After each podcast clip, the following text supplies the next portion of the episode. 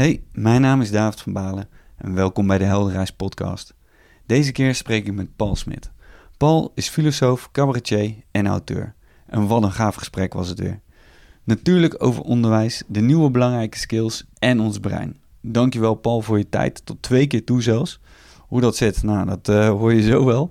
Thanks in ieder geval. En wil je ons gesprek niet alleen beluisteren, maar ook zien? Dan verwijs ik je naar het YouTube kanaal van Paul waar ons gesprek inmiddels als video online staat. Heel veel plezier met dit gesprek met Paul Smit.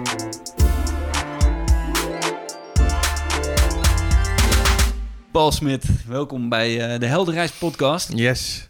Uh, voor de mensen die jou uh, niet kennen, je bent auteur. Yes. Je bent spreker, filosoof, cabaretier. Doe je dat ook nog trouwens? ja, het meeste eigenlijk. Dus ja. ik treed op voor bedrijven en dan mix ik cabaret met neurowetenschap. Kijk, te gek. Ja. En uh, ik bedacht me, even voor de mensen die uh, nu denken van... Maar die gasten doen alsof ze hier al een keer hebben gezeten. Ja, dat hebben ze dus ook. Ja. En ik bedacht me dat ik in ons voorgesprek, wat helaas niet werd opgenomen... um, ja. de, want het ging onder andere over falen, hè? Ja. En nou, dus dat is gelukt. daar hebben we wat van geleerd. Maar ik bedacht me dat eigenlijk deze podcast uh, min of meer voortkomt uit iets wat jij hebt uh, gezegd. Wist je dat? Oh, jeetje. Nee, vertel. Nee, nee nou ja, ik ah. zal het even toelichten. Um, jij hebt een, uh, een podcast ja. samen met Guido Wijers. Mm -hmm. En jullie hadden in die podcast op een gegeven moment over onderwijs. En de aflevering daarna hadden jullie het over kijkers en luisteraantallen. Ja. En toen zei Guido volgens mij van ja, maar die van over onderwijs, die viel wel echt een beetje tegen. Uh, hoe zou dat toch komen? Ja. En toen was jouw antwoord, ja, um, maar onderwijs is gewoon ook echt niet zo'n sexy onderwerp. En daar zitten we dan. Ja. Uh, want toen dacht ik, ja, dat klopt. Daar heb jij helemaal gelijk in. Zo zie ik het zelf ook. Zo mm -hmm. zien veel mensen het. Ja. Uh, betekent niet dat het niks voorstelt. Maar het is inderdaad niet een heel sexy onderwerp. Er hangt een beetje grijs sluier overheen. ja, ja. En um, nu uh, heb ik uh, mezelf eigenlijk tot missie gesteld om het onderwijs uh, wel weer wat sexier te maken. En ik dacht, nou, Paul, daar gaan we. Misschien kun je me een beetje helpen. ja, precies. nou ja, nee, het onderwijs is natuurlijk echt iets wat. er zijn grote bewegingen gaande. Het moet ook wel vernieuwen, omdat de hele. Ten eerste hebben we natuurlijk met de millennials te maken die echt een andere conditionering meekrijgen. Door alle social media, door het internet, uh, et cetera. Daarnaast gaan we naar een tijdperk waarbij robotisering, digitalisering en artificial intelligence... die gaan steeds meer de dienst uitmaken. Dus het, het, het onderwijssysteem wat bedacht is rond 1900... heeft zijn langste tijd gehad. Toen was het van we moeten die, die kinderen zo snel mogelijk klaarstomen voor een uh, plaatsje in dat uh, industriële tijdperk. En het bizarre is dat dus alles in de wereld is veranderd, behalve dat systeem. En, en ik begrijp dat allemaal leerlingen vastlopen, dat docenten struggelen. En, want uh, het is echt tijd voor wat nieuws. Dus, dus onderwijs is voor mij wel een uh, super hot item. Zeker omdat dat de basis vormt voor alles, al die kinderen die we opleiden. Ja, en um, omdat het voor jou een hot item is, uh, uh, heb je daar waarschijnlijk ook wel verder een link mee. Behalve uh, dat je natuurlijk, zoals bijna iedereen in Nederland, onderwijs hebt gevolgd. Ja. doe je ook dingen in het onderwijs? Ja, ik spreek veel voor het onderwijs. die hebben natuurlijk veel congressen waarbij het ook heel vaak gaat over onderwijsvernieuwing. En, en vaak kom ik dan met een verhaal uh, waarbij ik neurowetenschap uh, koppel aan onderwijs. Dus ik leg uit hoe leert een brein, uh, hoe motiveer je een brein, wat maakt of iemand wel of niet iets verandert. En, hoe, ja, en, en hoe bereid je ze eigenlijk voor op de nieuwe werkelijkheid. En dat zijn allemaal items die ik dan langs ga. Dus dat is leuk. Sowieso vind ik docent is altijd leuk publiek. Er wordt altijd snoeihard gelachen. En er begint ook wel steeds meer die urgentie door te dringen van we moeten het anders gaan doen. Wat aan de andere kant voor docenten ook wel weer schrikken is, omdat als je al 25 jaar lang voor de klas staat en je hebt op dezelfde manier dat gedaan en je krijgt te horen we gaan het anders doen, dan is dat uh, vaak even kortsluiting in dat is brein. spannend. En ja. sommige mensen zeggen ja, heb ik dan 25 jaar fout gedaan? Uh, nee, maar de wereld verandert, dus we moeten echt een andere koers gaan varen. Ja, precies. Mooi. Zullen we daar even eh, meteen wat dieper op induiken dan? Dat is prima. Ja, want eh, eh, je vertelt aan de hand van neurowetenschappen wat er dan gebeurt in het brein en welke verschillende manieren van leren er zijn. Maar inderdaad even gekeken naar de toekomst. Hè? Want ik probeer zoveel mogelijk tips en tricks mee te nemen in deze podcast voor het onderwijs. Ja. Um, laten we daar maar meteen starten. Wat, wat, zou, wat zou jij het onderwijs adviseren? Uh, nou, sowieso, uh, als we gaan kijken van hoe de werkelijkheid, de wereld er over twintig jaar uitziet, uh, dan hebben de trendwatchers hebben daarover nagedacht. En die komen dan met de vier C's. Dus wat is nog belangrijk voor een kind om goed te kunnen? Nou, dat is creativity, critical thinking, communication en collaboration. Dus je ziet alles wat routinematig wordt, dat gaat die AI veel beter doen. Dat, die kan nu al zo 50 tot 60 procent van alle banen gewoon overnemen en sneller en beter. Uh, dus het zijn echt de puur menselijke eigenschappen waarmee wij nog een toevoeging hebben. En dat is natuurlijk het communiceren met elkaar. Dat doen wij op een hele unieke manier. Uh, het samenwerken. Dus, dus in de sociale groep samen iets creëren. Dan is het uh, creativity. En dat is omdat ons brein creativiteit op een echt andere manier uh, doet dan de AI. Die is ook creatief, maar anders. We hebben echt een unieke manier. En critical thinking. Hè? Dus van alle data die nu op je afkomt, uh, blijf kritisch denken. Want zowel alle social media is subjectief en gemanipuleerd, maar ook al het nieuws, et cetera. Dus, dus dat, dat pas op om te kijken met wat je nog gelooft of niet. Dus dat kritisch nadenken wordt ook een belangrijke eigenschap. Ja, en dan is natuurlijk de volgende stap: hoe gaan we dan het onderwijs inrichten om die meer focus te leggen op die vier C'tjes? Precies. En dat uh, begint al bij het basisonderwijs. Hè? Dus, dus wat je nu ziet, we hebben het systeem bedacht rond 1900, waarbij we 30 kinderen in een klas zetten. Dan zetten we één docent ervoor. Nou, geef het. moet je mij niet laten doen. Ik trek dat nog geen uur. Maar die docent moet dus 30 kinderen in het gareel houden. Waarbij 30 breintjes niet geprogrammeerd zijn om heel de dag stil te zitten. Dat is super onnatuurlijk. Wat we in de basis al aan het proberen zijn. Hè? Ja. Plus, ons oerbrein bij die kinderen is in de oertijd, toen we op de savanne leefden, was het aan het leren simpelweg door te ervaren uh, simpelweg door te spelen en door uit te proberen. Nog steeds leert ons brein dan het snelst. Hè? Je bent in beweging, je hebt tot, het continu sociale interactie. En wat we nu proberen is van nee, je mag vooral niet uh, experimenteren, uitproberen. Dit zijn de juiste antwoorden en dat ga jij nu proberen te reproduceren. Dus je, je maakt daarbij de creativiteit die maai plat, als het ware. Plus je haalt ook de passie eruit. Want die kinderen willen helemaal niet dat, op een, paar uitzonderingen na, die willen spelen. Dus je ziet al dat het onderwijs in Finland, wat veel meer daarop gericht is, die boeken veel betere resultaten, omdat dat aansluit bij hoe ons oerbrein is geprogrammeerd. Nou ja, dat zou al een eerste stap kunnen zijn om, daar eens wat uh, pilots op los te laten in Nederland. Uh, en ik snap niet dat dat we zo stug zijn met z'n allen. Als de resultaten in Finland al supergoed zijn. Ja, waarom, waarom zijn we zo dogmatisch? Dat is echt zonde. Ja, ja ehm, in Finland hebben ze inderdaad een, eh, een ander systeem. Hè, uh, waarbij ze zijn gaan kijken, want daar was het uh, heel belabberd. En ja. op een gegeven moment zijn ze, hebben ze een omslag gemaakt. Um, nu heb ik daar ook tegengeluiden natuurlijk weer op gehoord. Hè? Want uh, je hebt altijd twee kanten van het verhaal. En dat ging dan vooral, misschien kunnen we het daar ook eventjes over hebben. Mm -hmm. Um, dat ging dan vooral over dat de Finse cultuur een heel andere cultuur is dan de Nederlandse cultuur. Dus ze zijn bang op het moment dat je dat één op één zou overnemen, uh, dat dat hier in Nederland niet zou werken. Uh, nee, maar dat vind ik weer een beetje vanuit angst gedacht. Dus ik zeg ook niet ja, dat, dat, je het letterlijk het. moet kopiëren. Maar ik zeg, laten we pilots eh, doen om te kijken wat sluit hier aan.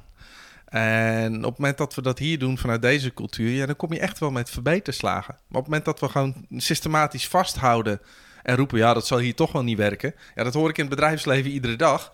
Ja, ja zo werkt dat hier niet. Ja, uh, ja. Probeer het. Jammer, ja? ja. Dus, dus, uh, en dat gebeurt in Nederland ook wel. Hoor. Er zitten echt bij veel onderwijsinstellingen die echt al op een andere manier eh, dat beginnen te doen. Dus ehm, er is beweging. En, en dat moet ook, er is urgentie. Want als we het zo door blijven doen, dan lopen we gewoon vast met z'n allen. Ja. En je ziet nu al in het bedrijfsleven dat wat opgeleid wordt. Ja, eh, sluit dat nog wel aan bij wat, wat ze zoeken. Dus het is bij Google al zover dat het je diploma, dat vinden ze echt niet interessant. Ze zullen gewoon zien dat je als mens het verschil kunt maken. Ja. En daar gaat het steeds meer naartoe. Ja. En daar komen die 21ste eeuwse skills eh, om de hoek. Ja, uiteindelijk ben je als. als eh, het is ook. eh, onderzoek wijst ook uit dat degene, de studiebollen als het ware. hebben helemaal niet de beste carrière daarna. Hè, die kunnen heel goed informatie stampen in het eh, systeem wat er bestaat. Ja. Alleen op het moment dat jij gaat werken. Dan is dat maar een fractie van je talent. Hè? Dan gaat het erom hoe ben je als mens, ben je gepassioneerd, kun je verbinding maken, creëer vertrouwen, kan je synergie vormen in de groep. Ja. En dus, dus mensen die eh, een beetje de outsider zijn, zijn vaak in hun carrière juist beter daardoor. Dus eh, studies zijn eh, eh, platgeslagen, eh, vrij rigide eh, ingericht. Ja, En vervolgens komen ze in een beroepsveld. En dan is dynamiek belangrijk. En dan moet je wel kunnen schakelen. Ja. En, ja. ben ben je flexibel, hè? Kun je, ben je creatief, maak je het verschil. Ja, het zijn hele andere competenties uiteindelijk. En je had het net over eh, AI. En eh, AI die eh, heel veel dingen zou kunnen overnemen. Eh, hoe snel gaat dat? Die ontwikkeling? Nou ja, je ziet nu bedrijven als SAP en Google, die zetten 100% in op AI. Ehm, en de reden dat die AI zoveel sneller is, dat is... Voorheen moest een programmeur een programmaatje eh, maken. En dan had je een softwareprogrammaatje. Maar wat ze nu doen, ehm, is dat ze twee softwareprogramma's maken die heel simpel zijn. En die laten ze continu tegen elkaar battelen. Dus Ja. laten we schaken als een heel simpel voorbeeld nemen. Ja? Alleen de basisprincipes van schaken zijn geprogrammeerd. En die gaan die AI's, die gaan spelletjes met elkaar spelen. Maar die doen dat natuurlijk zo snel. Die kunnen miljoenen potjes per dag doen. Dus die leren. En op een gegeven moment wordt het een zelflerend systeem. En die zijn zo hyperintelligent dat ze Kasparov hebben ze al verslagen natuurlijk eh, lange tijd geleden. Ja, klopt. Ja. Maar wat gebeurt er nu op het moment dat jij dan twee briljante softwareprogramma's hebt? Je kunt gewoon Ctrl-C, Ctrl-V doen. Je kunt ze dupliceren. Ja. En dus is het een soort virus wat je maakt. Je hebt opeens miljoenen briljante software systemen. Terwijl als een mens eenmaal iets heeft geleerd... Ja, als jij doodgaat, neem je al die kennis Is en weg. ervaring weer mee. Ja. En dan moet je zo'n nieuw kindje, moet je het weer in gaan proppen. Ja. Dus wij mensen hebben als nadeel dat we continu opnieuw die informatie erin moeten stoppen. En daar heeft die computer geen last van. Dus als wij straks één briljante zelfrijdende auto eh, hebben, is dat eh dupliceer. Hebben ze allemaal. En dan heb je ze allemaal. Ja. Dus wij gaan die AI nooit meer verslaan. Nee. En eh, dus het, het voordeel wordt... eh, ja, er zijn natuurlijk doemscenario's, maar ook hoopvolle scenario's. Kijk, dat wij de- de- deze planeet niet in balans krijgen met onze breinen, dat is wel duidelijk. Hè? Wij zijn hiervoor niet geprogrammeerd. Dat is ook helemaal terug te leiden vanuit evolutionaire psychologie waarom we doen wat we doen. Dus daarom zeggen mensen, de AI is onze enige hoop om er wel iets van te bakken nog. Oké, ja, Dus mooi. dat, dat is hoopvol. Ja, en aan de andere kant krijgen we nu ook te maken met enorme machtsverschuivingen. Want degene die de AI heeft, heeft de macht. En dus, dus Ah, eh, ja. pas op voor Google. Dat, Ja. dat, wordt, eh, dat wordt bizar straks. Ja, ja, tuurlijk. Ja. Je hebt alle data in handen. Alle data. Dus die- ze koppelen die AI aan big data. Ja. En dat gebeurt nu al zonder dat wij het doorhebben. Hè? Dus zelfs dit gesprek, als je telefoon hier is, wordt gewoon meegeluisterd. Ja. En, en niet door een mens, maar die AI scant op woorden. En als je heel vaak Al-Qaeda gaat roepen, dan kom je ergens in een lijstje en dan scannen ze je. Dus, dus ze kunnen alles qua WhatsApp. Eh, dit, het is per nacht wordt de anderhalve gig van je telefoon doorgesluist naar allemaal platforms die jouw data kennen, scannen. Oh. Dus het wordt straks. Deksels. Eh, ja, deksels, ja. ja. Nee, en nu was laatst eh, werd openbaar dat eh, zelfs als mensen de telefoon in de slaapkamer hebben, dat tijdens een vrijpartij Google even meeluistert. Maar nu zei Google, ja, dan doen we maar een minuutje of drie, vier hoor. Oh, sympathiek. Oh, ja, Dus, eh, dus het, wordt, het wordt een beetje. eh, ehm, maar goed, het is een ander topic. daar zou ook wetgeving voor moeten komen, laat het zo zeggen. Ja, maar goed, het is wel... Het maakt wel dat de hele wereld gaat veranderen. En hoe gaan zeker die jongeren hier straks mee om? Ja. Maar als je, als je even eh, heel eh, rationeel kijkt, dan zie je ook dat voorheen was de docent degene die de kennis had. En de docent was bezig om de kennis over te dragen aan die kinderen. Ja. Maar nu zit al die kennis in een kastje. En dan vraag je aan Siri eh, wanneer overleed Napoleon. Heb je het. Ja. En nu Siri nog oerstom. Maar de, de nieuwe die eraan komt, de Cortana en de nieuwe Siri... die weten straks beter dan jijzelf hoe je in elkaar zit. Hè, die scannen al jouw data. En dan kun je zelf op het moment dat jij zegt... eh, ja, eh, Siri, zal ik deze nieuwe baan wel of niet nemen? nemen kan Siri jou advies gaan geven. Dus het gaat straks... Is het niet alleen dat hij jou kennis geeft, die gaat je ook advies geven. En die gaat ook voor jou vooruitdenken. Ja.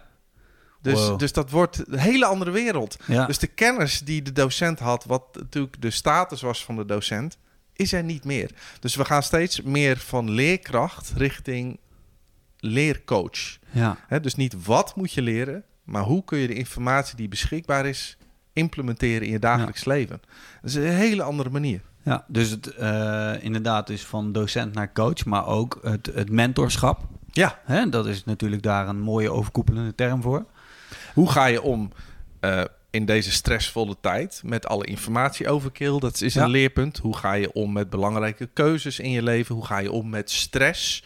Dat zijn veel belangrijkere dingen om te leren nu dan eh, de basisbeginselen van wiskunde. Die, die moet je ook wel een beetje weten. Maar ja, uiteindelijk lacht die AI je echt uit. Ja. Hè? Met je Ja, daar kun je niet bij. stelling van Pythagoras. Ja. Ja, precies.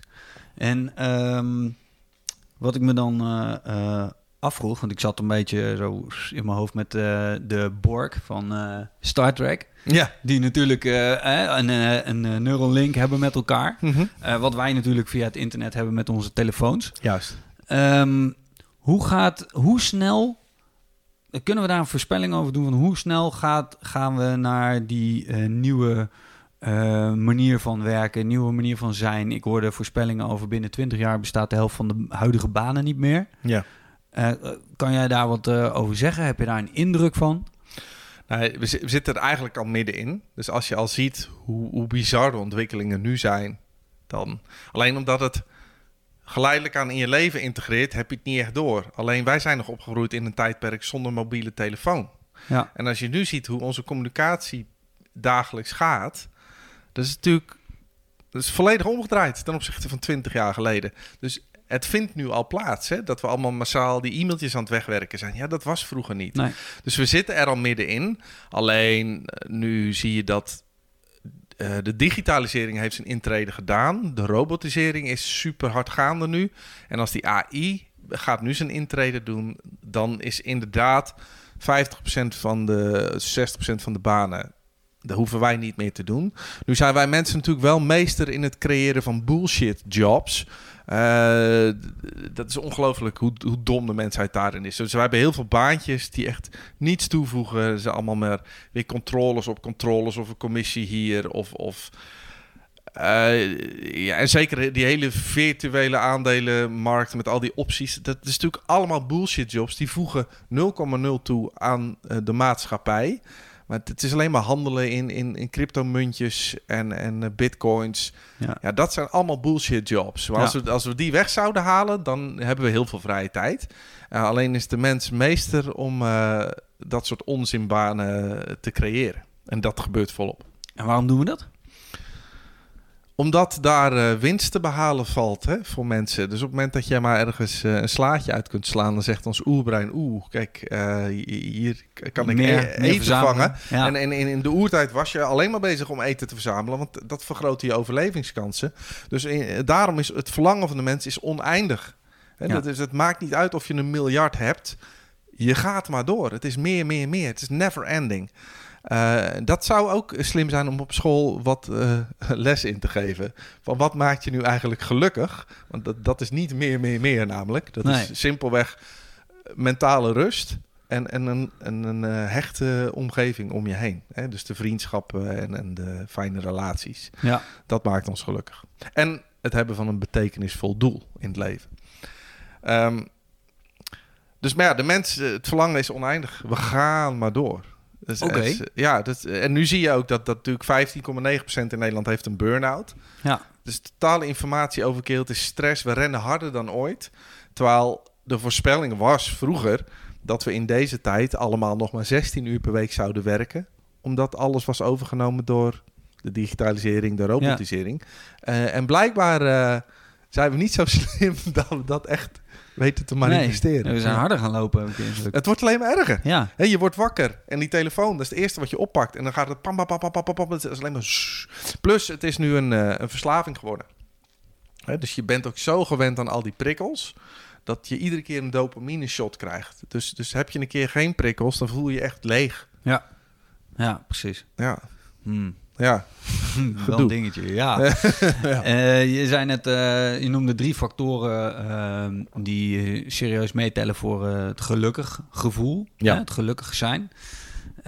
Nou heb ik vorige week met Mirjam Spittelt, eh, de mevrouw gelukskunde, Oh ja. heb ik ja. er ook over gehad. Ja. En ehm, als jij het hebt over de eerste die je noemt, was rust in je hoofd. Als wij nou rust in je hoofd als eh, overkoepelend vak, m, bijvoorbeeld op de basisschool, zouden geven, Ja. hoe zou ons vak rust in je hoofd er dan uit kunnen zien? Want het is dus super belangrijk om in deze tijd je hoofd een beetje rustig te kunnen houden. Ja, ik, eh, ehm, ik, ik- het fascinerende vind ik is dat je op school alles leert over de, de externe wereld, maar nooit over de interne. Ja, hooguit iets met biologie. Maar het is handig dat je eerst enigszins begrijpt hoe je brein werkt. Ja? En eh, dus waarom doe je wat je doet? Hè? Dat je een primair brein hebt en, en een nieuw deel in het brein en dat die eh, conflicteren met elkaar. Hè, dat dat s'avonds het nieuwe deel roept: ik ga geen chocola eten. Maar het oude deel loopt toch naar de koelkast, et cetera, et cetera. Ja, Plus, wij mensen zijn zo geconditioneerd dat wij denken dat we onze gedachten zijn en dat we onze emoties zijn. Die ben je helemaal niet. Die, die komen en gaan allemaal. Dus als je als kind al zou leren dat als ik een keer pieker, dat je daar niet zoveel mee hoeft, dan kun je je functionele gedachten gaan onderscheiden van je piekergedachten. En dat zou voor een kind al een totale bevrijding worden. Maar wij zijn zo geïdentificeerd met al die rommel in ons hoofd dat we massaal verkrampen. Ja, en dan zie je de beetje verwrongen, gestreste samenleving waar we in zitten. Dus, dus ze hebben ook al eh, onderzoek gedaan met meditatie op, op school op jonge leeftijd. Nou, dat heeft voor het brein al hele positieve effecten. Of een stukje mindfulness of wat het ook mag zijn. Ehm, dus dat zijn vakken die veel nuttiger zouden zijn dan wat we nu doen. ja. Oké, dus ehm, dan is kritisch denken niet alleen eh, extern, maar ook intern kritisch denken. Juist, ja. Ja. Ja, en, en daarom vind ik eigenlijk dat we een stukje basis neurowetenschap als vak in het basisonderwijs moeten brengen. Dat gewoon, eh, ik wil desnoods met mijn collega, dus een neurowetenschapper, een, een module daarvoor schrijven.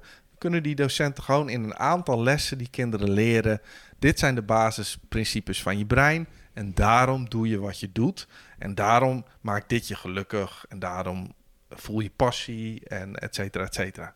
Dus eh, dat zou echt een meerwaarde hebben. ja. Want ik leer het dat nu binnen het bedrijfsleven. Ja, nu leer ik het aan mensen die zijn 50 jaar oud. En die zitten massaal mee te schrijven en foto's te maken. Die denken, ja, ik krijg mensen echt vaak naar me toe die zeggen... Ja, waarom weet ik dit nu pas? Ja, Hè, dit is ja. gewoon, dit had ik in het begin van mijn carrière moeten weten. En ook leiders, CEO's die zeggen... Ja, als ik dit toch 20 jaar eerder had geweten... dan had ik niet zo lopen eh, ja, stunten en... Ja. Ja, Dus ja. Dat, eh, maar dat, ja. Ik had eh, de eerste podcast hiervan, was eh, eh, podcast nummer 0 Ja. met, eh, met Michel Vos. ja, waarmee ik leuk, heb leuk. opgezet. Ja, superleuk. En daar kwam het ook aan bod. ja. Van, maar waarom wist ik dit niet? Want het was zoveel makkelijker geweest als ik had geweten dat ik me niet direct met iedere gedachte of met ieder piekenmomentje hoef te identificeren. Dat gewoon even, laat maar even voorbij waaien. En maar. Het is maar even, hè? ik heb jou ook al een keer horen zeggen van, oh, het is, je, je, ga je, laat je het er even zijn, is het drie minuutjes max en dan is het er ook weer weg. En dan klaar. Ja. Ja. Zoveel Maar ja, wat, je, wat je nu dus heel erg ziet bij mensen is... er komt een bepaalde pijn op, een gedachte of een gevoel van emotie. Je identificeert je, dus je verkrampt. En in plaats dat je even zelf eh, reflectie hebt van... oh, oké, dit zit zo, dit is een wolkje die voorbij drijft, relax. Nee, gaan we vervolgens manipulatief gedrag vertonen... en dat in de, in de wereld en de mensen om ons heen uiten. Hè? Dus als ik alleen maar een pijn heb, wil ik van die pijn af. Dus dan ga ik bijvoorbeeld jou een verwijt maken. Of ik ga roddelen over mensen. Of ik ga eh, heel veel McDonald's hamburgers halen om die pijn maar weg te krijgen. Op drugs of alcohol. Ja, dus, dus het gedrag van mensen is best wel raar daardoor. Doordat je niet snapt hoe je in elkaar zit. Ja. En je ziet dan met jullie 12 waves training.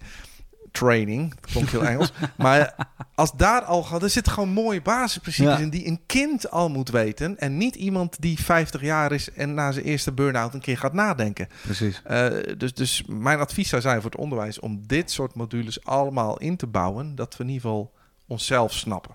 Ja, mooi. Het is echt raar dat dat, dat, dat niet zo is. Dat Als jij een nieuwe raar. telefoon krijgt, ga je eerst uitzoeken hoe werkt die telefoon voordat je iets gaat doen. En dat doen we dus niet met onszelf. Ja. Dit is het mechanisme met wie je werkt. Je hebt geen idee hoe de knopjes werken. Dus je gaat maar met 10% kennis over het apparaat duik je de wereld in. Dat is echt zonde. Ja, dat, ja. Ja. ja. gemiste kansen. Ja, Eh, maar goed, zo eh, op het moment dat wij het, het doorhebben, dat is ook het moment dat we er natuurlijk actie op kunnen ondernemen.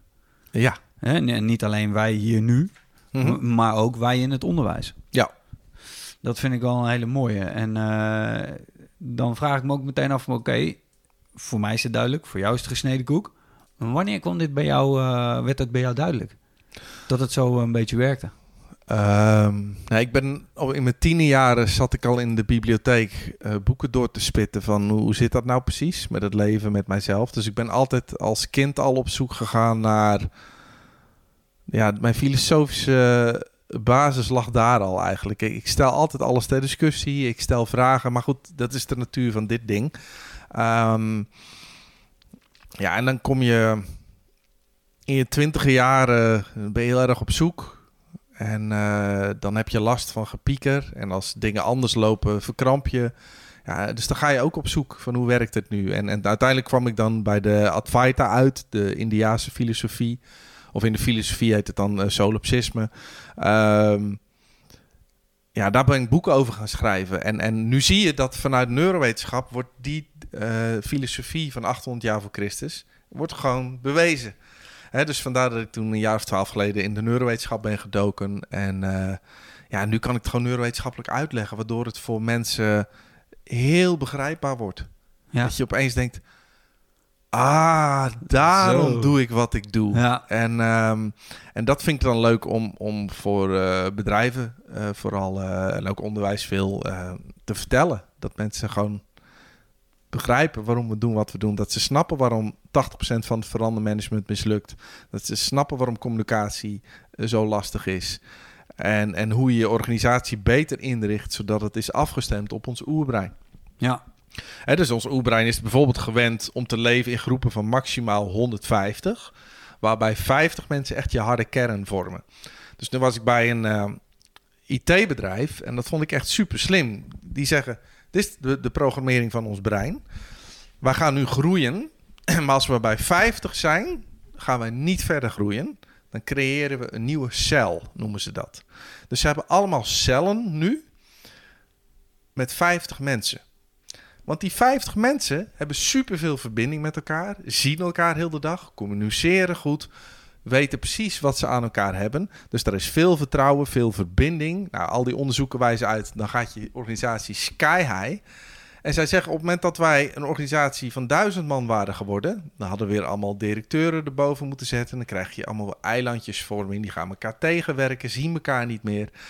En dat werkt niet. Nou, en dat bedrijf gaat echt super snel nu. En dat is puur het afstemmen op het oerbrein. Denk ja, dit is echt slim gedaan. Want je leiderschapsproblemen beginnen echt als je groter wordt dan 150. Dus, dus ik heb in het leger gezeten. Daar, eh, een compagnie bestaat uit 150 personen. En dat is omdat dat nog voor het brein te overzien is. En dan wordt het meer. Dan komt er een nieuwe compagnie. En eh, dus zo zijn er heel veel basisprincipes die we veel slimmer kunnen inrichten. En doen ze dat al lang in het leger? Ja, dat is al heel oud. Ja. Ja, dat dat zo is. Ja. Dus daar begrepen ze het veel eerder dan... Eh, nou ja, daar heeft blijkbaar ooit iemand goed over nagedacht. Ja. En eh, die kwam... eh, maar ja, in oorlogssituaties leer je snel hoor. Hè, dus dan is er urgentie. En dan kom je erachter, oh, dit werkt dus het best. Dus richten we het op deze manier in. Ja. En eh, in het bedrijfsleven doen we dat vaak niet. Nee. Dat is zonde. Nou, absoluut. Ja. Ja. Nou, wel weer een aantal mooie lesjes al eh, die hier ter tafel komen.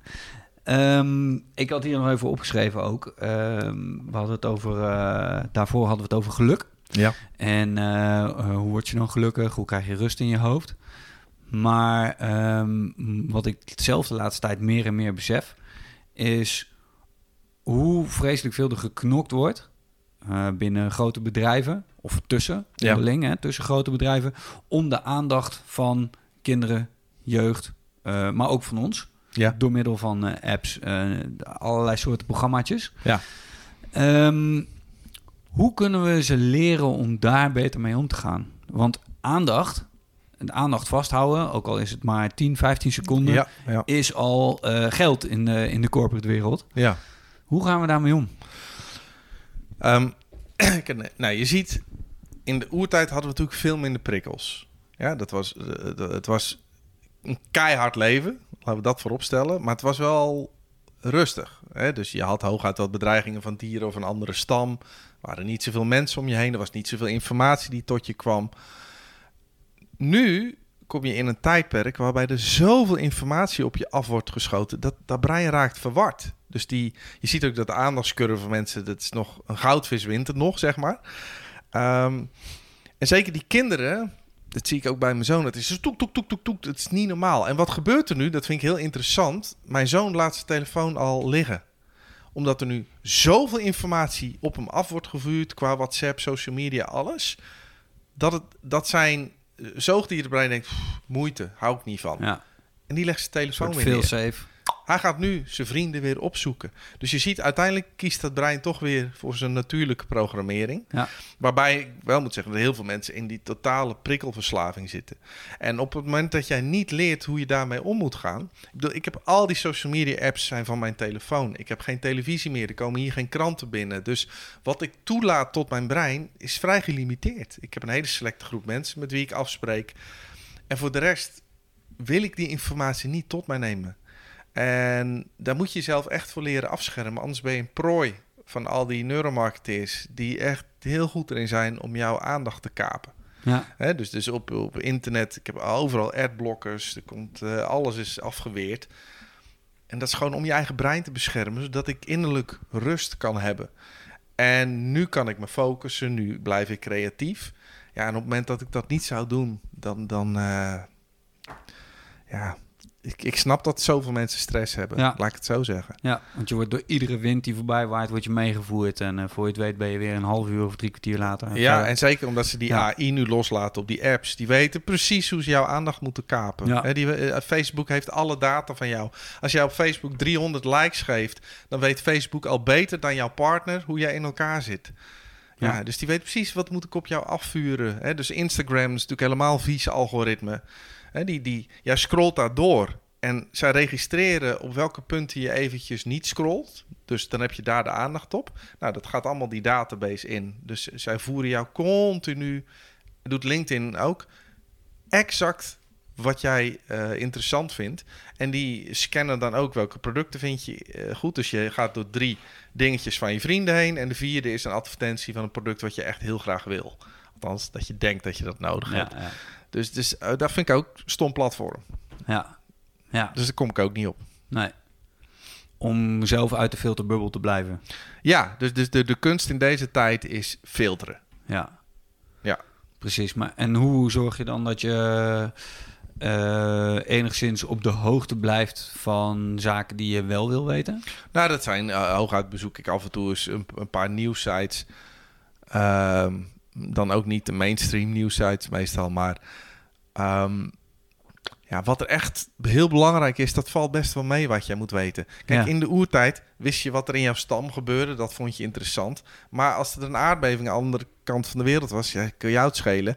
En nu moet ik dat wel weten. Ja. En als er nu een, een jochie van acht, dat las ik dan toevallig vanochtend, eh, onder de trein wordt geduwd, moet ik dat weten? Waarom moet ik dat weten? Dat voegt niks toe. Dat is voor mij alleen maar extra lijden wat in mijn hoofd wordt gepropt. Dus eh, scherm je een beetje af. Ja, Hè, mensen zeggen, nee, het is belangrijk te weten wat er in de wereld gebeurt. Jongen, wat ze jou vertellen op het nieuws, dat is allemaal gemanipuleerd nieuws. Dus, dus dat moet je ook kritisch denken. Ja. Hè? Dus kijk goed van Ja. wat vindt er eigenlijk plaats. Dus nee, ik ben ehm, redelijk eh, selectief, zeg maar, in informatie. Ja, ik ben het ook geworden. Oké. Ehm, Maar je woont ook in het bos, lekker rustig. ja, heeft daar zeker ook mee te maken. Ja. Ja, weg, eh, weg uit de drukte. Ehm, ben eh, geabonneerd op een krant, op eh, Trouw. En die heb ik alleen nog maar in het weekend, op zaterdag. Oké. De bijlagen, dan, dan gaan ze tenminste een beetje de diepte in. Oh ja. Eh, maar de reguliere pagina's is inderdaad eh dood, verderf, ellende. Ja. En ehm, daar word je, dan, word je dan mee gevoed. Eh, wat, ik me, eh, wat ik op een gegeven moment heb bedacht en gemerkt ook, is hoe meer ellende ik lees, hoe ellendiger ik me ook ga voelen. Ja, ja. Hoe, hoe zit dat? Want ik heb daar helemaal geen directe link mee. Nee, maar jouw, jouw brein wordt continu geprimed, zoals het heet. Eh, dus, en, en geframed. Dus op het moment dat je al die ellende heel de dag tot je krijgt, gaat jouw brein denken: zie je wel, de wereld is echt verschrikkelijk. Maar heeft comedian Bill Hicks, waar je ook fan van bent, hij heeft echt een mooi stuk in zijn show. Die zegt ook, en dan zit ik CNN te kijken: rape, destruction, genocide, murder. Eh, en dan zegt hij, en dan kijk uit het raam. denk, hey, Ja, Are they making this shit up? There's Ja. nothing happening out there. En, en eh, dat is wel het punt. Zeg Ja. maar, als je, alles wat jij in jouw... eh, jouw bewustzijn is heel klein, hè? Eh, dus op het moment dat je al die rommel erin laat... Ja, dat gaat allemaal jouw onbewuste brein in. En dat beïnvloedt uiteindelijk hoe jij je voelt, hoe je denkt, hoe je je gedraagt. Eh, dus ja, dan kun je veel beter kiezen om de wat positievere elementen toe te laten. Of in ieder geval de nuttige. ja, En, en heel veel wat we we horen. Ja, ik, ik had ooit een, een ex-schoonvader inmiddels. Die zat dan op de bank en die had dan de televisie aan. En dan speelde dat nieuws in een loop speelde dat af. oh, deksels. En, dan zat, en dat, dus die zag 16 keer hetzelfde op een gegeven moment. En ik dacht, dacht maar, maar eh, wat ben je aan het doen, man? Ja, Ja, nee, ja, dat doe ik iedere dag. Maar ja, als hij op een verjaardagsfeestje ging praten, was het altijd angst. En, en we Ja, gaan eraan. dood en en, en, en. Terwijl als ze op het nieuws alleen maar positieve dingen eh, zouden zeggen, nou, dan zou iedereen echt best wel vrolijk eh, ja, door het leven gaan. En het nieuws is natuurlijk alles wat niet gebeurt. Hè, als, als per dag gaan een miljoen vliegtuigen de lucht in en dat gaat een miljoen keer goed. ja, Maar als er eentje neerstort, krijg je dat voor je kiezen. precies. Het is nooit dat, dat, dat ze zeggen van... Goh, vandaag steeg een vliegtuig op. Was geen turbulentie. Vertrok op tijd. Passagiers waren zeer tevreden. We hebben lekker geluncht. Een vliegtuig landde op tijd. Mensen hadden een fantastische dag. Nooit. Dat zou normaal zijn. Ja. Nee, maar wij horen alleen de uitzonderingen. Ja. Dus, en dat is niet normaal natuurlijk. nee, dat hè? klopt niet. Nee. En, en natuurlijk, de, de meerderheid van de mensen... eh, Wij zijn helemaal niet zo slechte wezens. Wij zijn vrij sociaal. We hebben spiegelneuronen. We hebben empathie. Dus de mens is helemaal niet zo'n verschrikkelijk wezen. Het is niet zo'n slim wezen, maar het is ook weer niet zo verschrikkelijk wezen. Het, het is maar één op de honderd, is zeg maar een sociopath.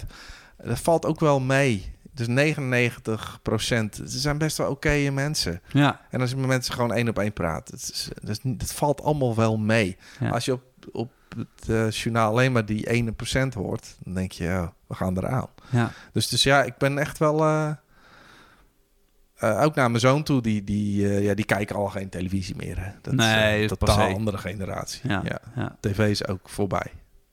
En ehm, heeft dat er dan mee te maken dat wij eh, eh, vanuit onze natuur, vanuit onze biologie geprimed zijn om eh, sneller aan te gaan op gevaar? Hè, dus op ellende. Ja. Dat we daar, ja, daar moeten we wat mee. Daar wordt onze aandacht naartoe getrokken. Dan naar plezier bijvoorbeeld. Ja, dus jouw angst om iets te verliezen is altijd groter dan je verlangen om iets te hebben. Wat natuurlijk logisch is, want in de oertijd moest je eerst overleven en dan pas iets gaan zoeken. Eh, en nog steeds, dat weten marketeers ook, als ik jou maar voed op de angst, ga je veel sneller iets kopen dan dat ik je voed op het verlangen. En dus als ik zeg, oh, je wilt deze eh, Volkswagen graag kopen, dat is een mooie wagen. Hè? Ja, ja. Nee, van deze heb ik er nog maar twee op voorraad. Dus je moet wel... Oeh, angst. Ja, oeh, ja, en dan ja, gaan mensen veel sneller overstag. Eh, dus als je die angst maar voedt... Nou, dat weten ze ook hoe propaganda werkt, et cetera. Als je mensen maar in angst houdt, kun je alles doen. ja. Hmm.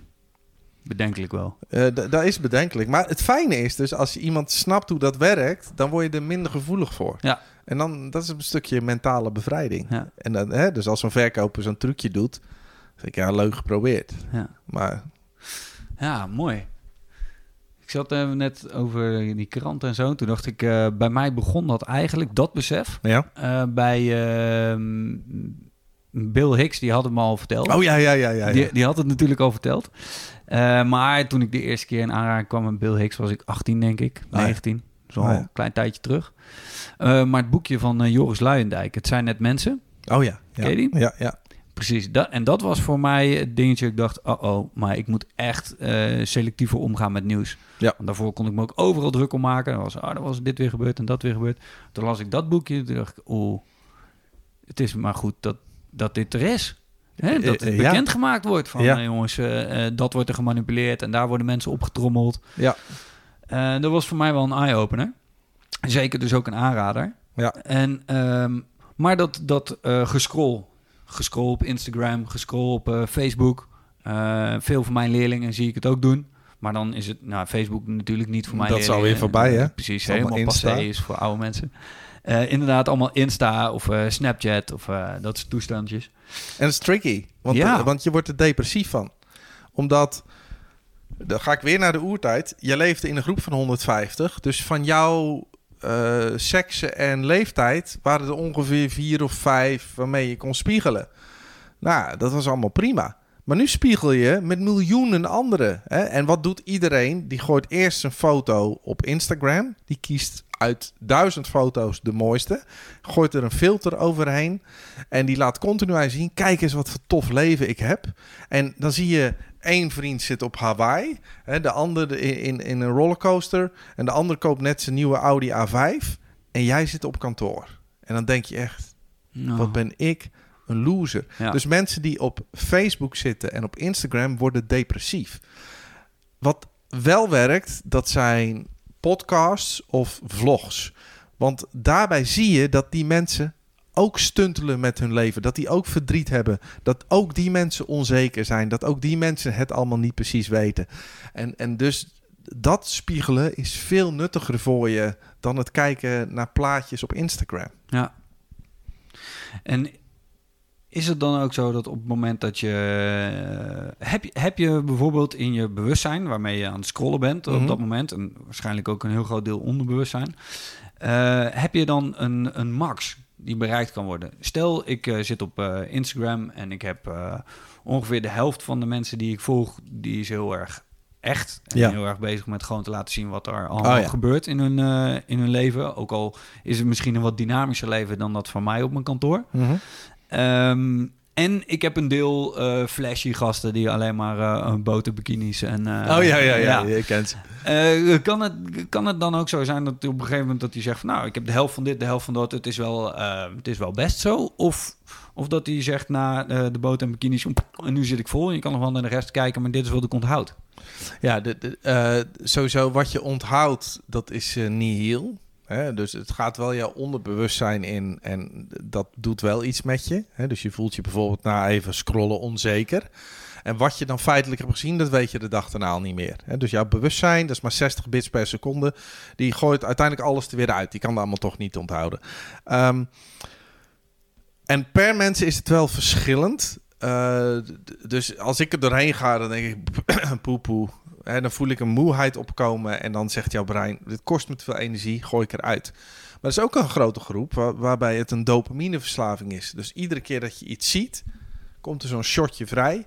Hè, die kwam in, in de oertijd vrij als je opeens een hert zag, dat je denkt, wauw, nu moet ik jagen. Maar als je nu een WhatsApp berichtje krijgt of een Snapchatje of wat dan ook, dan heb je dezelfde reactie. Dat is natuurlijk hartstikke onnatuurlijk, want het is Ja. niet dat je per dag 600 herten zou jagen, maar dat doe je nu wel op je telefoon.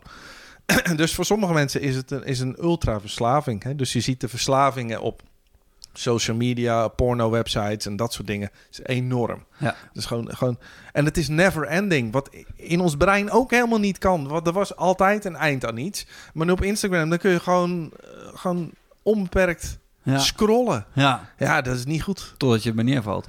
ja, dat je denkt, poepoe. Want wij moeten meer. Ja. Het is meer, meer, meer. Ja. En, en eh, Want de winter kon wel eens komen.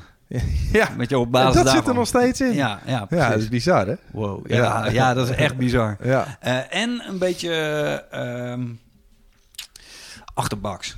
Het is een beetje achterbaks dat er, dat er dus, tenminste zo zie ik het, hè, mijn mening even Ja. bij deze. Mhm. Eh, dat er dus mensen zijn, volwassenen, die bezig zijn met het eh, eh, kapen van de aandacht van jongeren. Ja. Volwassenen, ja, die moeten wat mij betreft zelf weten. Eh, ik hoop dat we ze wat mee kunnen geven in deze podcast. Maar de, de aandacht kapen van kinderen om daar gewoon eigen gewin mee te doen. Te verkrijgen. Ja, ja dat, dat is... eh, dat is extreem. Is daar Wat- al wat voor? Is daar al een wet, wetgeving nee, er is geen wetgeving voor. dus ze kunnen onbeperkt met hun leuke big data gegevens eh, aan de slag. En ze Ja, weten ja. ook dus per persoon precies alle voorkeuren, alle dingetjes. Dus, Mhm. dus eh, op het moment dat je zelf die filter niet aanbrengt, ben je hopeloos verloren. Dat, Ja. dat win je niet van het algoritme. Oké. Ja. Oké, ik... Dus het is eh, eigenlijk hetzelfde dat, dat je zit en ik jou heel de tijd... Oh, kijk eens, lekkere snoepjes. Oh, chips. Oh, lekker biertje. Dat ik, dat ik continu dat voor jouw neus, neus zet. Jij zou tegen mij zeggen... Paul, doe even normaal, man. Je hebt hier 16 bakken staan nu. Het, stop hiermee. Ja, Alleen als je online gaat, gebeurt precies hetzelfde. ja, En dan denken we dat dat normaal is. ja. Ja? Dat is... eh, ja dat is hetzelfde als jij een. eh, alles wat iemand jou zeg maar mailt of WhatsAppt, als je dat vertaalt naar het echte leven, ja, dan, dan dat zou inhouden dat ik zou om de drie minuten voor je staan. Hey, eh, trouwens, nog even dit en dat. En dat het je ook s'nachts sta ik opeens naast je bed. Hey, luister even. Dat zeg, je zegt doe normaal. Alleen op die telefoon denken we, oh ja, dat is normaal. Dat is normaal, ja. Ja, maar Ja. dat is natuurlijk helemaal niet. Nee. nee. Nee. Oh, mooi. Ehm, even terug naar, eh, naar eh, eh, Paul zelf en eh, zijn onderwijscarrière. Ja. Ehm, want ehm, hoe heb jij dat beleefd? Als klein Paultje en daarna? Ja, ik vond het verschrikkelijk. Ja, dus ik was, ik begon met Atheneum. Toen dacht ik, ongelooflijk, wat een nutteloze informatie dat ik in mijn hoofd moet stampen. Dus toen zei ik, eh, ik had allemaal achten, maar toen ben ik toch HAVO gaan doen. Want ik eh, wilde alleen maar gitaar spelen. Dus ik heb alleen maar gitaar gespeeld. Mooi. En eh, dus wist ik nog de zakken ook op de HAVO. En toen moest ik één keer mijn best doen. Toen was ik wel de, de, de beste leerling van de school. Dus mijn ouders toch nog een beetje trots. Ehm, nou, ik vond er niks aan. En toen ik ben eerst nog naar de Rode Beret gegaan, twee jaar, eh, omdat ik avontuur wou. En toen nog eh, ben ik weer gaan studeren. Maar ik, ik pas na mijn studie ben ik gaan doen waar mijn passie lag en ben ik gaan exploreren. Maar die, de- ja, ik, heb, ik heb er niks aan gevonden. Ik heb ook niks aan gehad.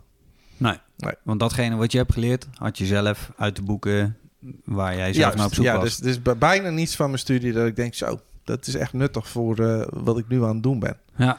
Ja, zonde. Ja, Ja. ja, en je hebt een zoon en daarbij eh, begreep ik al dat je een beetje hetzelfde bespeurde. Die doet precies hetzelfde. Die Ja. krijgt dan op zijn CITO gymnasiumadvies. En die zit nu in eh 3 VMBO. Ja, Hij zegt, ja, ik vind er niks aan, doe er niks aan. En, maar goed, die jongen komt wel. Dus Tuurlijk. Een hele vlotte babbel heeft hij. En, dus, dus maak me ook geen zorgen. Maar ja, zo zitten heel veel kinderen daarin. En, en dan geef ik het een docent echt te doen. Dan denk ik, jullie docenten hebben al bijna geen autonomie meer. Want die onderwijsinspectie hangt continu in je nek te hijgen. Je moet alles volgens protocol doen. Je moet alles administreren.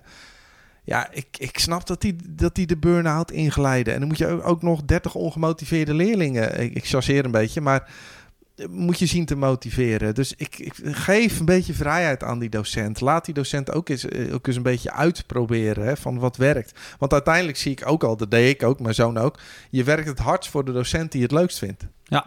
En eh, dat was, dat was eh, bij mij ook. er is niks in veranderd wat dat betreft. dus hè? de natuurkunde deed ik goed, want meneer Haak was hilarisch.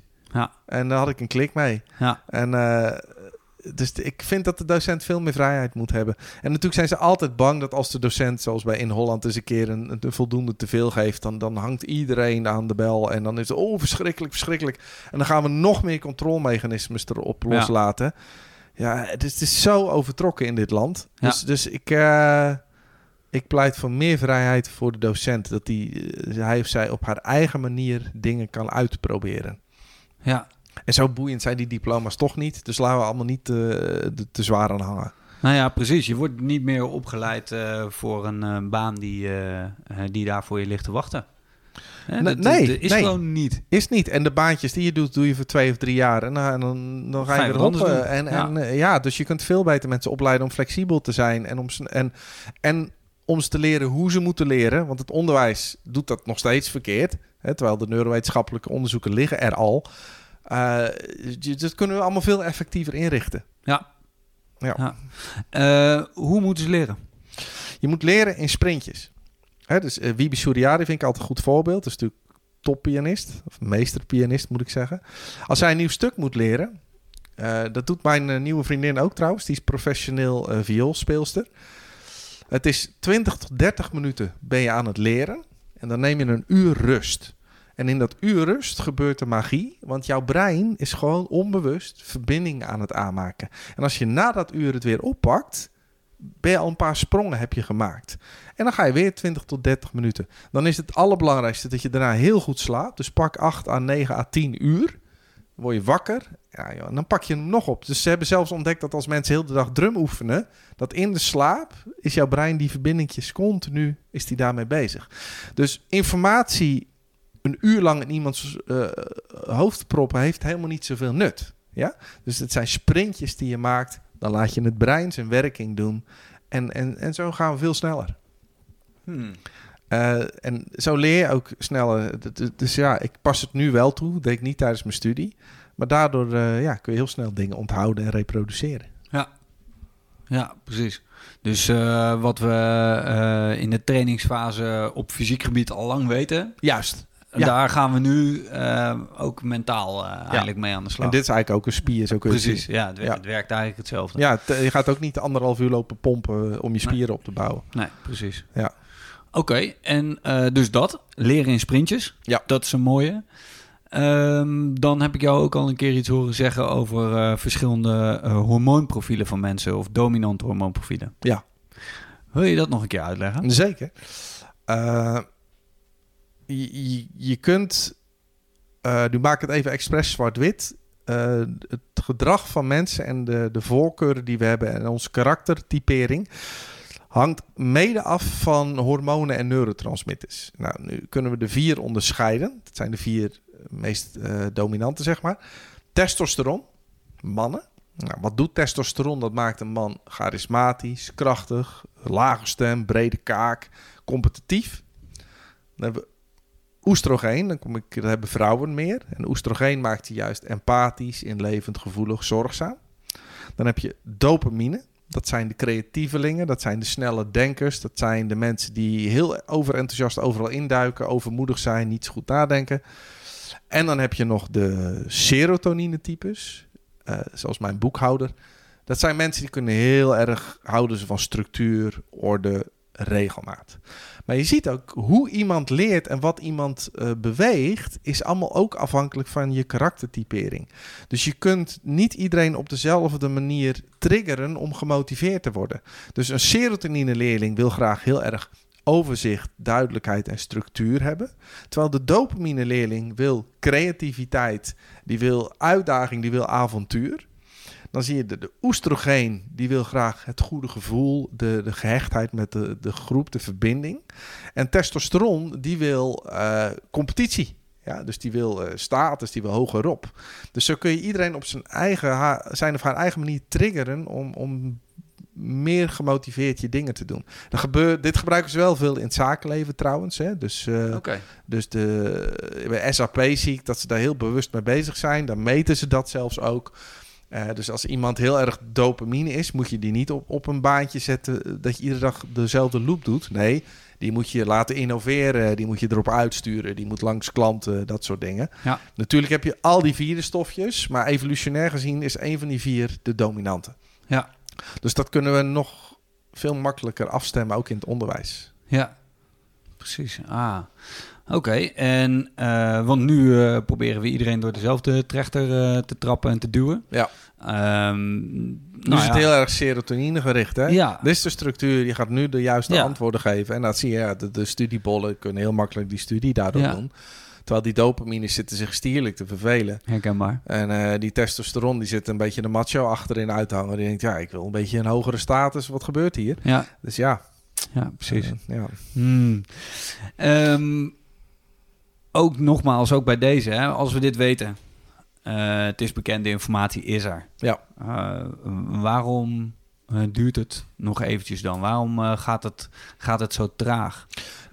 Ik zou graag Ja. die leerlingen, en dan denk ik even terug naar mijn leerlingen van de afgelopen 12,5 jaar. Die zou ik zo gunnen om op hun eigen intrinsieke motivatie bediend te worden. Ja. Ja, Eh, in plaats van dat ze dingen voor mij deden. Dat ze dachten van, ah ja, ja, met hem kunnen we wel ouwe hoeren, dus gaan we eh, luisteren wel en doen we dat wel. ja. Eh, en dan bij een andere docent zeggen ze... oeh ja, anders krijg ik op mijn kop. Dus Ja. om, om Ja, maar ja. pijn en angst uit de weg te gaan... om maar pijn te vermijden, doe ik het maar. Want dan heb ik het gezeur niet. Ja, maar dat is natuurlijk eigenlijk helemaal niet... waarop je iemand wil laten floreren, zeg maar. Hè? Nee, Ehm, dus, eh, eh, en in, de, in de, de oertijd was dat ook anders. Want je was gewoon, wat ik al eerder zei, eh, spelende wijze aan het leren. En daar had je ook... Alle leeftijden waren gemengd. Dus jij kon je continu spiegelen aan mensen boven je. En je kon dingen uitleggen aan mensen onder je. Nou, dat uitleggen aan anderen maakt dat jij veel sneller leert. Want dan moet jij het dus beheersen. Ja. En het, het spiegelen naar boven toe maakt dat je, dat je voorbeeldgedrag voor je ziet. En dat je dat na gaat doen. En nu stoppen we alle leeftijden in één klas. En ja, dan mis je beide effecten. Dus Ja. dat is ook al zonde. ja, absoluut. Ja, Absoluut. Oh, dat is ook wel een mooi inzicht. Eh, ik begreep dat ze, eh, om even terug te komen ook op Finland, hè, om dat linkje weer te leggen, dat ze daar tot hun zestiende niet getest worden. Ja. Dus geen toetsen. Ja. Ehm, zou dat ook iets zijn wat we hier in Nederland eh, zouden moeten doen? Ik zou hier ook weer pilots op willen loslaten en dan kijken wat werkt. Ik denk namelijk dat het werkt omdat je, je, je hebt je lui nog niet uit in Nederland en je krijgt je eerste CITO-toets. En dan wordt continu wordt je, je amygdala, je angstsysteem getriggerd door te zeggen, ja, ben jij wel goed genoeg? En dat is nog steeds de grootste angst van de mens, hè? We zijn allemaal super onzeker en kwetsbaar. Dat proberen we heel de dag te verhullen. Van wat vinden anderen van me? Eh, hoor ik wel bij de groep? En dat ga je juist ehm, vergroten door continu die testen te doen. En je krijgt continu te horen, oh, dat heb je fout gedaan, dat is niet goed. En je gaat je continu afmeten aan anderen. Maar er zijn altijd mensen slimmer dan jij. Dan denk je, wat ben ik toch dom? Ja, laat iedereen op zijn of haar eigen niveau lekker spelen. Ik vind het zo zonde dat we al gelijk overal weer labels aan hangen... en, en toetsen en controlemechanismes. Ja, dat mag wel wat minder, hoor. ja. Laat Ja. kinderen eerst eens een beetje van het leven genieten, joh. Laat ze eens spelen en, en, en dingen uitproberen zelf. En Ja. dan zelf hun passie ontdekken. Ja. Dat is veel belangrijker dan eh, inderdaad eh, met een rode stift kijken welke fouten je hebt gemaakt. ja, grote mensen spelen. Ja, Ja. dat is ook zo. En, Ja. en, en bovendien, het gaat er veel meer om hoe kun je leren dan wat kun je leren. Want die informatie is er al. Dus heel veel van wat je nu leert, ja, dat, dat hoef je niet. Je moet je alleen maar weten hoe je het opzoekt. Nou, dat is straks één vraag stellen aan Siri. En eh, dan is het antwoord er al. Ja, dus een stukje levenswijsheden en een stukje levenservaring, dat is, daar heb je veel meer aan dan Ja. die rationele informatie. ja absoluut. Absoluut. Ik weet nog wel dat er bij ons eh, op school werd er één keer per jaar werd iemand uitgenodigd en die had eh, drie verschillende eh, kampen had hij overleefd in de Tweede Wereldoorlog. Oh ja, oké. Drie verschillende concentratiekampen. En eh, die had nog wat te maken met een aantal Joodse mensen die hij uit een of andere trein had gered. En die, die man die had een verhaal niet normaal. Ja. Uit, uit Lunteren kwam die. Oh ja. En dat was een prachtig verhaal. En daar zat hij dan ook helemaal in. En zijn, de manier waarop hij over het laatste kamp sprak... eh, daar krijg ik nog steeds kippenvel van als ik daaraan denk. ja. En dat zijn natuurlijk mensen die vanuit directe beleving, vanuit gevoel en ervaring een verhaal vertellen. Ja. Wat op mij eh, enorme indruk heeft gemaakt. Dan kunnen misschien ook klasgenoten hebben gezeten die dachten, ja, de Tweede Wereldoorlog eh, zal wel. Ja. Maar dat is voor mij altijd wel een interessant onderwerp geweest. En eh, toen dacht ik ook van ja, maar op basis van die ervaring, als we dat nou zouden kunnen overdragen, hè, dit, soort, dit soort mensen met dit soort verhalen, Ja. eh, niet per definitie deze ervaringen natuurlijk, Mhm. maar wel verhalen, dan zouden we natuurlijk ook een stap verder zijn. Want als je eerlijk bent als docent, Ja. en volgens mij ben ik dat altijd wel geweest, Mhm. dan zeg je, joh, in de basis heb ik zelf ook geen idee. Ja. Eh, maar we moeten eh, dat of dat of dat gaan doen. En ik denk dat je dat op die en die manier het snelste en het makkelijkst kan doen. Ja, ja, ja. Kost je minste energie. Ja, ja. Ehm, En dat is een goede wat je zegt, omdat wij leren ook veel sneller door verhalen dan via statistieken en rationele informatie. En hoe komt dat?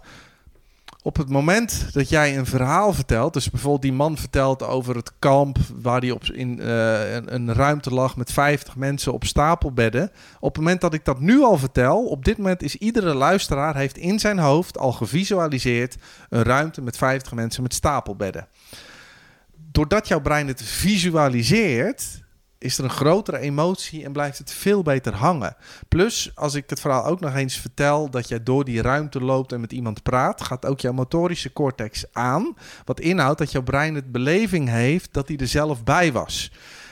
Dus doordat je die delen in het brein triggert, heb je een grotere emotie. En we weten bij een grote emotie blijft die herinnering veel beter hangen. Want het feit dat jij dit verhaal nu nog terughaalt, is omdat dat is gebeurd. Ja. Dus ik vraag vaak ook aan mensen in de zaal: wie weet er nog waar die was tijdens 9-11?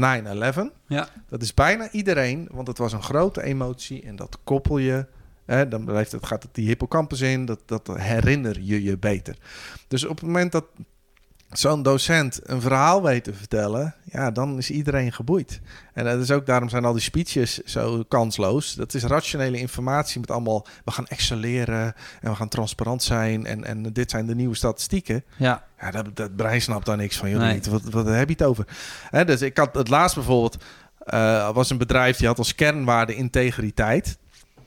Nou, normaliter dan zou iemand voorlezen... Nou, eh, wat voor onze organisatie belangrijk is, is integriteit. Ja, doet natuurlijk geen moer in je brein. Nee. Maar deze man was echt krachtig. Die zei... echt blanco. ja, inderdaad, als je dat zegt, ja. denk je, koekoek. Hè? Goed idee. Maar deze man die vertelde een verhaal dat hij eh, voor een klant naar Parijs werd gevlogen, werd met een limousine opgehaald. Ja, je, je ziet het al gelijk voor je, hè? Ja, ja. In een super chic hotel, privétafel, nou drankjes, alles. En toen op een gegeven moment, ja, jullie krijgen de deal. Als je ons 8% korting geeft, dan krijg jij nu 10.000 onder de tafel. Hij zegt, ja, en toen heb ik gezegd, dit doe ik niet. Ik ben weggegaan, ik heb het vliegtuig gepakt en ben teruggegaan. Op dat moment weet iedereen wat integriteit is. En iedereen die in dat bedrijf in een soortgelijke situatie komt, weet hoe die zal handelen. Hè, dus door dat verhaal te vertellen, onthoud je het en heeft het ook effect op je eigen gedrag. Dus verhalen vertellen is superkrachtig. En dat Ja. was natuurlijk vanuit de overleving al. Werden ook verhalen verteld. Ja, want ik was in dit gebied en daar kwam ik een leeuw tegen. Dus daar moet je niet zijn. Maar daar heb ik een, eh, een watertje ontdekt met ook eh, appels en peren. Daar, hè, door die verhalen veranderde je gedrag. Ja. Dus, en dat geldt nog steeds. En het is jammer dat we dat eh, niet zoveel doen nog. Ja, inderdaad. Ehm, ja, nou ja, toch zie je het wel. bijvoorbeeld vlogs. Waar, hè? Misschien een mooie verklaring Juist. waarom vlogs zo, zo populair zijn. Ja. Eh, wat mij dan meteen ook eh, doet afvragen van ja, maar waarom is dat niet veel eerder dan eh, bedacht en, en, en zo populair geworden? Want het is iets wat direct aansluit op onze ontwikkeling.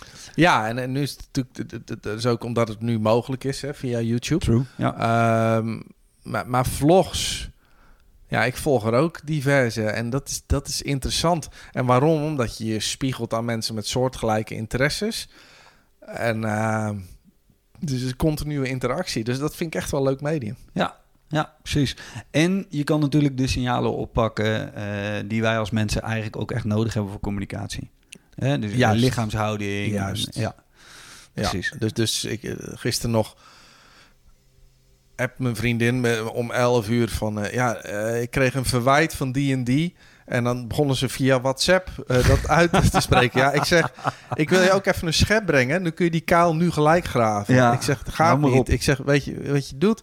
Je moet gewoon met die vriendin een kopje thee gaan drinken. Hij is alles weer opgelost. Precies. Dus nou, ik ben zelf ook, ik, hoeveel relatieproblemen ik via WhatsApp heb proberen op te lossen.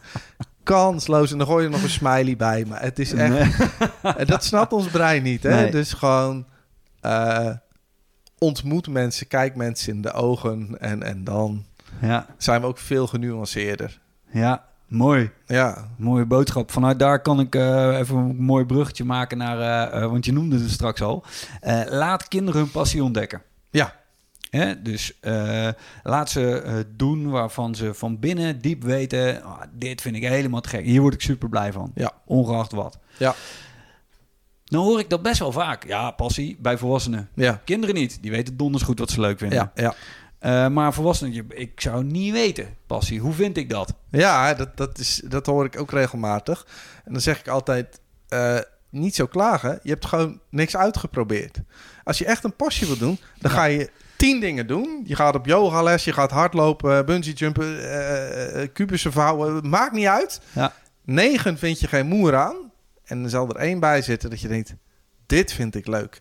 Maar het is natuurlijk, als je op een gegeven moment je leven wat vernauwt... en je zit alleen maar op de bank eh, goede tijden te kijken... dan komt er echt geen passie. Het is niet dat je opeens opstaat en denk je... weet je wat ik leuk vind? Vliegtuigjes vouwen. Ja. Dus, dus eh, ik heb het, gitaarbouwer. Ja, nee. nee. nee. En hoe ontstaan passies vaak? Passies ontstaan vaak doordat je in jouw sociale netwerk mensen ontmoet. Iemand is toevallig iets aan het doen en je denkt... oh, hey, dat is ook leuk. Maar ja, je, dus ga erop uit. Hè. Ga tien soorten sporten uitproberen... En dat is voor mensen eng, hè? dat is out, out of the box. Maar dan kom je er vanzelf achter. Oh, dit is leuk. Ja. Dus eh, nee, mensen moeten niet aankomen met ik heb geen passie. Want dat, dat, dat zit in ons passie. Dat is een deel van de seksuele selectie. Dat er iets is waarmee je jezelf graag wil onderscheiden. En dat heeft iedereen. Hè, voor de een is het, is het karpers eh, in je achtertuin hebben in een aquarium. En, en, en van de ander is het hardlopen. Dus, maar dat, dat zit gewoon, dat is deel van je biologie. Ja. Dus eh, het antwoord, ik heb geen passie, is eigenlijk... eh, ik, heb ben een niks beetje, ik geprobeerd. ben een beetje te lui geweest. Ik ben een beetje lui. Ja. ja. Ja, precies. Wat ook bij onze biologische programmering hoort overigens natuurlijk. Lui zijn. ja, kijk, Ja. ik, want jij wil energie besparen. Ja, hè? Dus, dus, dus, dus wij veranderen maar op twee momenten. Hè? Dat is in de oertijd was dat urgentie. Dat als er schaarste was of een bedreiging, moest je wel veranderen. Dat is nu ook. Het zijn de meest heftige eh, situaties in je leven die maken dat je het meest verandert. Hè? Je echtscheiding, burn-out, ziekte, dat soort dingen. En de tweede is passie. Dat komt voort uit onze seksuele selectie. We zijn aan de ene kant heel lui en willen we energie besparen. Maar ja, je moet natuurlijk binnen die sociale groep waarin je leeft wel een beetje indruk maken. Eh, op, de mannetjes of vrouwtjes. Hè? Dus, dus dan is er altijd iets dat je of gaat dansen of eh, gitaar bouwen of wat dan ook. Dat je wel aan de eh, laat zien, kijk eens. Met mij kun je heel goed kinderen maken, want ik heb hele bijzondere genen. Ja. Dus, dus die seksuele selectie zorgt dat we niet aardslui zijn. Ehm, ja, en, en toch nog in beweging komen. Ja, dus het is passie of urgentie, een van die Ja. twee. mooi. Eh, mag ik dan eh, met jou eh, het rijtje even langs van tips voor diverse fases in ons onderwijs? Ja. En dan starten we even bij het basisonderwijs, Paul. Je hebt nou ja, al geëtaleerd dat je behoorlijk wat kennis hebt op het gebied van neurowetenschappen. gekoppeld daaraan ook de ontwikkeling van mensen. Mhm. evolutionaire verhaal. Als wij kijken naar onze huidige basisschool, en we hebben al het een en ander door laten sijpelen, maar we kunnen hem even plat slaan. Heb jij één of twee tips voor het huidige basisonderwijs in Nederland? Ja, ik zou die, die kinderen eh, niet continu eh, stil laten zitten op een, eh, op een stoeltje. Want dat is heel onnatuurlijk voor het brein. Veel meer spelen, want die sociale interactie tussen die kinderen is veel belangrijker dan stilzitten en sommetjes maken. Ehm, en, en ook eh, laat kinderen hun passie ontdekken. Dus ga heel veel verschillende dingen met ze doen, zodat ze ontdekken wat ze leuk vinden. En ik zou inderdaad, dat benoemde jou wel goed, doe, doe niet continu alles maar testen en afvinken. En, en geef die docent alsjeblieft de vrijheid terug. Dat, dan, dat zou al een eerste stap zijn eh, voor verbetering. Ja. Oké, mooi. Eh, dan gaan we naar het middelbare eh, onderwijs. Ja, Dus ehm, eh, de, het VMBO, hè, de MAVO, HAVO, Atheneum, gymnasium. ja. Wat zouden we daar... Ehm, Nou ja, daar zie je nog steeds hetzelfde principe van eh, stilzitten en informatie stampen. Ja. Dus ik zou veel meer het onderwijs, daar hebben we het natuurlijk ook over gehad, richten op bepaalde eh, vakken die echt iets, waar je echt iets aan hebt in je leven. Mensen vinden het namelijk heel interessant om die zelfreflectie te doen. Hè, dat, ons ego zorgt ervoor dat we heel graag naar onszelf kijken. Als ik in het bedrijfsleven dat doe, van kijk eens hoe jouw karaktertypering is of waarom je doet wat je doet, dat vindt iedereen boeiend. Oh ja, ja, dat doe ik ook altijd. Ja, want zo ben ik echt. Dat hebben die kinderen ook. Ja. Dus laat zien, zo functioneert je brein. Doe een stukje psychologie, een stukje filosofie, dat ze snappen wat gebeurt er. En laat ze dan ook een beetje kijken naar eh, hoe kan ik in mijn leven dingen filteren. Hè? Hoe belangrijk zijn vriendschappen voor mij. Dus allemaal dat soort iets meer sociale en zachtere aspecten. Die veel meer aansluiten op die vier C'tjes. Dat vinden ze en interessant. Dat is echt interessanter dan Ja. wiskunde. Ja. Ehm, plus je hebt er iets aan in je leven. Hè? Leer die jongeren wat zijn gedachten, wat zijn emoties, hoe ga je daarmee om? Want superveel jongeren zitten nu in allerlei depressies en die gaan als ze begin 20 zijn al een burn-out in. Dat is absurd. Ja. Het aantal zelfmoorden bij jongeren is echt schrikbarend hoog op het moment. Dus laten we echt eh, daarop focussen. Ik zeg niet dat je al die andere vakken niet moet doen. Hè? Dus Engels en Nederlands, is allemaal belangrijk. Maar laten we veel meer een balans creëren. En ook wat dingen af laten vallen. Die Ja. AI toch beter kan straks. Ja. Ehm, dus dat zou mijn tip zijn voor eh, het, het middelbaar onderwijs. Ja, dus met een hele dikke kaasschaaf eigenlijk over eh, de huidige vakken. Zodat je daar een laag van afhaalt, waardoor je een laag creëert, ruimte creëert om Ja. bezig te gaan met dit soort dingen op basis Ja. van persoonlijke ontwikkeling. En, en ook daarin geldt dat die sociale interactie is veel belangrijker dan de vakken. Want dat is wat door ons brein groeit, waardoor we spiegelen. En ja, en ik ben echt een voorstander van om verschillende leeftijden op bepaalde dingen dwars door elkaar te laten gaan. ja, Dat, dat is natuurlijker, laat ik het zo zeggen. Ja, wat op een middelbare school natuurlijk prima zou kunnen. Als je daar eh, Precies. 11, 12 jaar tot en met een jaar of 17, eh dat kan prima Ja, en laat lopen. die, de ouderen, de jongeren ook eens wat uitleggen. Want dan leert ja. ons brein het, het snelst. En dat vind je ook tof als jij een coach mag zijn van iemand anders bijvoorbeeld. Of er zijn veel mogelijkheden te bedenken. Ja, en laat ze meer bewegen. Hè. Ga lekker sporten met z'n allen. Dat is, we deden niet anders vroeger. Gewoon, Ja. Heel de dag waren we aan het lopen. En nu gaan we heel de dag stilzitten. En, en nou, die onderzoeken zijn er ook. Hè. Op het moment dat jij hebt eh, eh, gesport en je gaat dan leren. Ja, dan, dan, het is echt bizar hoe sneller je leert, hoeveel meer er blijft hangen. Eh, dus ja, dat, dat zou ik ook doen. Ja, mooi. En dan hebben we nog MBO, HBO, WO Ja. over. Ja. Ja, laat ik zo zeggen, ik ben er doorgekomen door heel snel informatie te stampen en weer uit te spugen. Ja, Ehm, de kunst is ik daar. denk dat dat wel herkenbaar Eh, is ik voor veel denk dat mensen hoor. en het heeft ook wel een beetje met die leeftijd te maken. Hè? Want jij zit natuurlijk, eh, je, je krijgt voor het eerst in je leven wat vrijheden. Hè? Je gaat bijvoorbeeld op kamers voor het eerst. Ja, wow. ja. En dan ontdek je alcohol en vrienden en je kan stappen. Dus die verleidingen liggen overal op de loer. En dat is natuurlijk hartstikke. En dan kom je met een kater, dan ga je nog even je examen maken. Ehm, dus ja, dat hoort gewoon een beetje bij die fase. Ehm, de- de- wanneer ik wel leerde, was waar ik passie voor voelde. Hè? Dus, dus eh, dat focussen op passie is belangrijk. Eh, nu vind ik dit wel een eh, leeftijdscategorie dat ik, als ik nu terugdenk, hoe had je mij het anders kunnen laten doen? Ja, deze categorie vind ik een misschien nog uitdaging. een, een uitdaging. Ja, omdat ik Ja. zelf, ik was alleen maar bezig met het leven exploreren. En ik vond het fantastisch dat ik voor het eerst. Eh, ik was aan het optreden met mijn band en ik had een vriendin, dat was leuk. En je gaat voor het eerst alleen op vakantie. En, en ja, dat is natuurlijk al zo kicken. Ja, Eh, dat school, ja, ik echt vond school bijzaak. wel leuk, maar dat was de kantine was gezellig en dan Ja. gingen we biertjes drinken. Ehm, dus en misschien ga ik te veel van mezelf uit, maar eh, ja, nee, ik ja, daar moet ik langer over nadenken van hoe je dat anders kan eh, inrichten. Je, de, je hebt al meer vrijheden dan natuurlijk.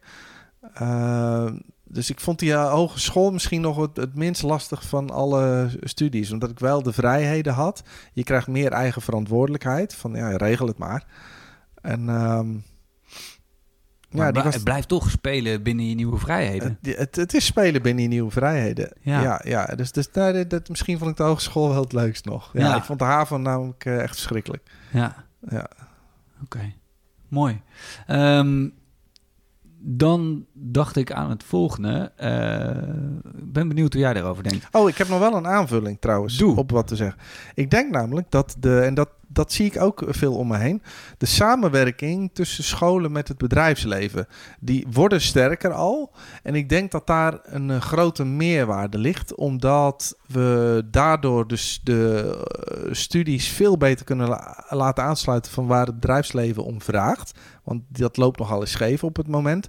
En op het moment dat jij eh, stage mag lopen, wat ik erg leuk vond, dan pas merk je, zo werkt het. Maar als ik bij verschillende bedrijven een kijkje had mogen nemen, dat ik een dag met bijvoorbeeld een manager of, of wie dan ook mee had mogen lopen, ik denk dat ik daar enorm veel van eh, had kunnen leren. Ja, Dus eh, ja, misschien wat meer stages al in de eerste jaren, dat, dat, dat mixen van elkaar.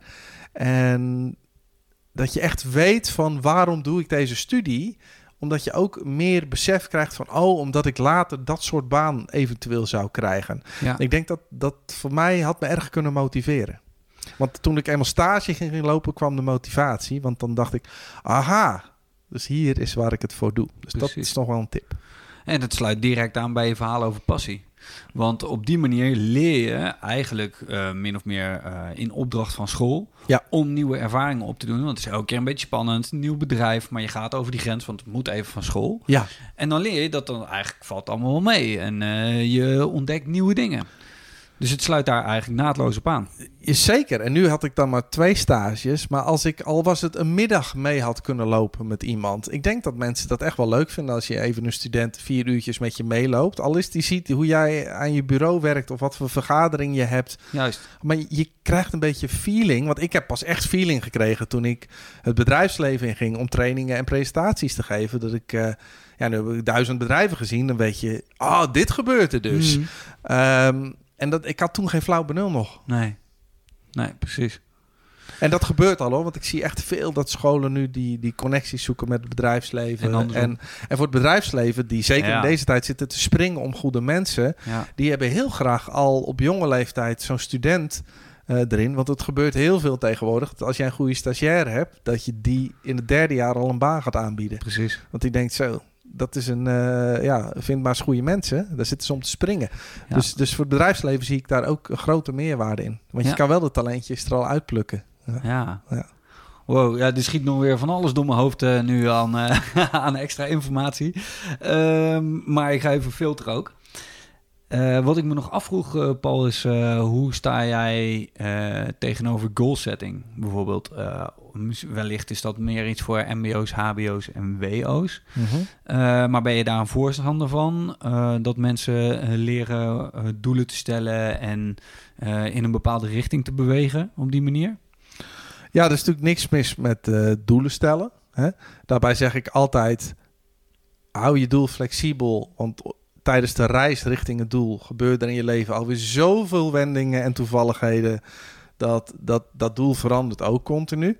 Hè, dus je kan wel een stip op de horizon hebben, maar zelfs die verandert. Hè, dus waar een, Ja. waar een bedrijf succesvol in is, is zelden hun eerste doel. Het is dat je onderweg daar naartoe komt er toevallig iets op je pad dat je denkt, "Oh, dat is leuk. En dan ga je links of rechts af. Ja. Maar goed, richting dat eerste doel gaan is prima. Ehm, eh, waar het aan schort is dat mensen niet snappen hoe ze daar komen. Dus mensen stellen met hun neocortex dat doel, maar beseffen niet dat jouw reptiele brein denkt, ja, ik hou alleen maar van routine, waarom zou ik dat doen? En jouw zoogdierenbrein denkt, ja, ik eh, ben hier om energie te besparen en dat doel dat kost meer moeite, waarom zou ik dat doen? Dus je ziet de doelen die mensen met hun neocortex stellen en wat je oudere delen van het brein doen, dat zijn twee hele andere films. Dus je moet snappen met welke technieken je je neocortex kunt gebruiken om die oudere delen te doen. En met implementation intention, dat is ook wat de Navy SEALs gebruiken. Dat zijn allemaal middelen waarbij je met hele kleine eh, microstapjes, met heel concreet gedrag, iedere keer een kleine verbeterslag maakt. En als je die kleine verbeterslagen maakt, dan veranderen de oudere delen geleidelijk aan mee en dan kom je er wel. Maar de, de doelen van ik ga 10 kilo afvallen. dan lach, lachen die oudere delen. nee. Dat, dat, nee, ik ga vandaag eh, om acht uur 's ochtends mijn lunch aanpakken. Of mijn ontbijt gezonder doen. Ja. Dat is een microdoel. En als je dat haalt, dat is al knap. Dan moet je dan 66 dagen herhalen. Dan wordt het je nieuwe patroon. En dan krijg je het volgende doeltje. Dus je moet veel geleidelijker aan daar naartoe. Ja. En wij overschatten standaard onze, de kracht van de neocortex. Wij denken als ik een doel haal, dat jij de wilskracht hebt om daar te komen. Maar ja, 98% van iedereen die op dieet gaat, faalt. En 87% wordt zwaarder na het dieet dan ervoor. Ja. Dus de statistieken liegen Wow. er niet om. nee. Uh, dus je moet kennis hebben, daarbij moet het, een kind dat al leren, kennis hebben, hoe werkt mijn brein en als ik iets wil bereiken, welke eh, tools zijn er om daar te komen. Ja. En daardoor eh, heb ik het heel druk, want in het bedrijfsleven kennen ze die ook niet. Eh, dus dan, ja, dan leg ik een aantal van die tools uit. En als een leider die dan begint in te zetten, dan opeens zie je, oh, zo lukt het wel. En in de sport wordt het al volop gedaan. Hè? Dus, dus, dus Dave Brailsford, die, die zat bij dat wielrenteam die, die die rondjes reden. Ja, die waren zo slecht al een eeuw lang. Die hadden nog nooit gewonnen. En zelfs leveranciers van onderdelen uit Europa zeiden... wij leveren liever niet aan jullie, want dan hebben we anti-reclame. Ja. Nou, die man die kwam dus ook met implementation intention... met een, de 1%-regeling noemt hij dat. Ja. Alles 1% verbeteren. 1% Ja, maar. precies. Beter slapen, betere hygiëne, betere warming-up, beter onderhoud, eh, betere samenwerking, betere communicatie.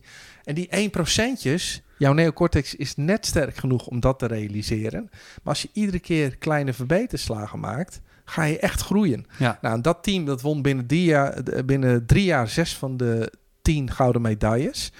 Hij is nu naar de Sky Team van Tour de France gegaan. Ja, die hebben natuurlijk volgens mij de afgelopen acht jaar zeven keer gewonnen, als ik het Zo. goed zeg.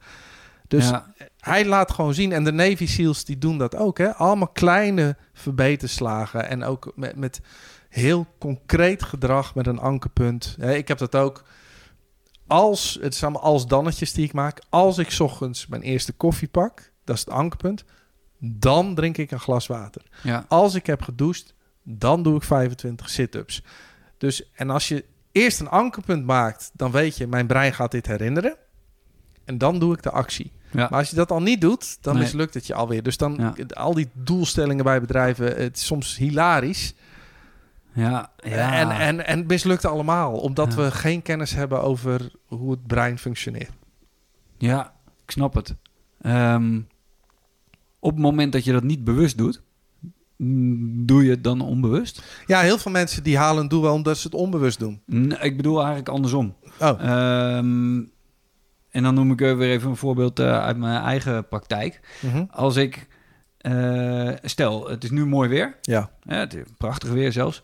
Eh, als iemand, ik, en ik zit met vrienden op het terras. Als iemand aan mij na vier uur 's middags vraagt: Het is mooi weer, we zitten op het terras, wil je wat drinken? Ja, Dan, en dat is mijn anker, dan is mijn standaard antwoord: Lekker, doe maar een biertje. juist. Ja.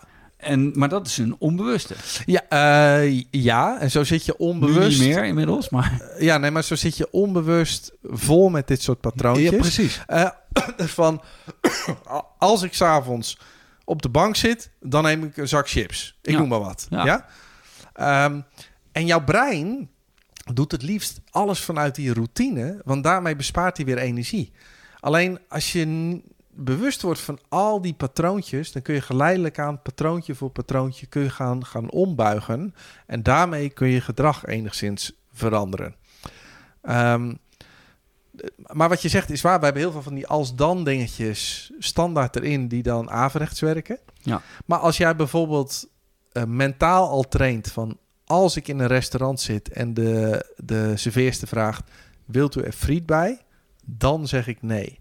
Dan kun je brein van tevoren al trainen. Want alles wat jij mentaal doet, eh, die verbindingen maakt je brein net zo goed aan als dat het echt is. En zo kun je je brein trainen om in bepaalde situaties verleidingen te weerstaan. Dus, dus mijn vriendin bijvoorbeeld, als die eh, een stuk op de viool moet spelen, dan traint zij heel veel mentaal. Dus zij zit in haar hoofd, traint ze noot voor noot hoe ze dat moet bespelen. En dan train je net zo goed als wanneer je het echt doet. Ja. Dat is echt bizar. Ja. En dus de secret werkt niet. Dat is totale onzin. Dat als jij de uitkomst visualiseert, dat je op een of andere manier het universum stuurt. Nee, Dat werkt averechts. Want stel dat zij visualiseert dat ze een stuk van Mozart foutloos speelt voor een zaal van 10.000 man. Dan denkt het brein, oh dat kan ik dus al. Het is al gedaan. En dan Ja. word je lui, nihilistisch, doe je niks meer. Nee, je moet nood voor nood, keer op keer trainen, Ja. trainen, trainen. Dan maak je die verbinding aan en dan werkt het. Dus zo kun je ook met die alsdannetjes kun je mentaal zelfs eh, trainen.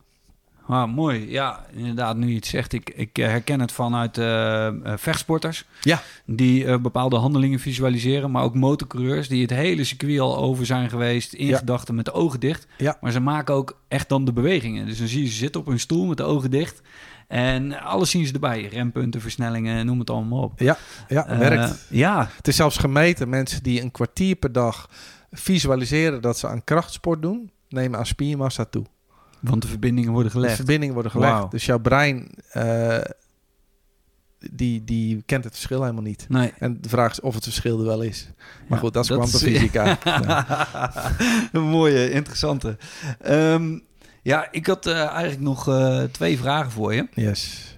Ehm, de een gaat over, en daar daar kunnen we misschien heel kort over zijn, misschien ook niet, maar die gaat over het lerarentekort. Ja.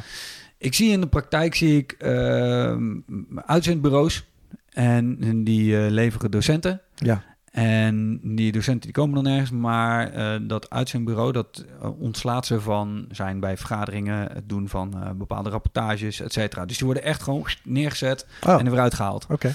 Eh, want dat is natuurlijk dikke business. Want we hebben een enorm leraartekort in Nederland. Het levert op. Ja. Ja. precies. En dat is niet per definitie kwalitatief de beste ontwikkeling, in mijn ogen. Nee. Eh, en dan druk ik me inderdaad netjes uit. Maar hoe zouden we dit aan kunnen pakken? Hoe kunnen we nou het lerarentekort aanvliegen?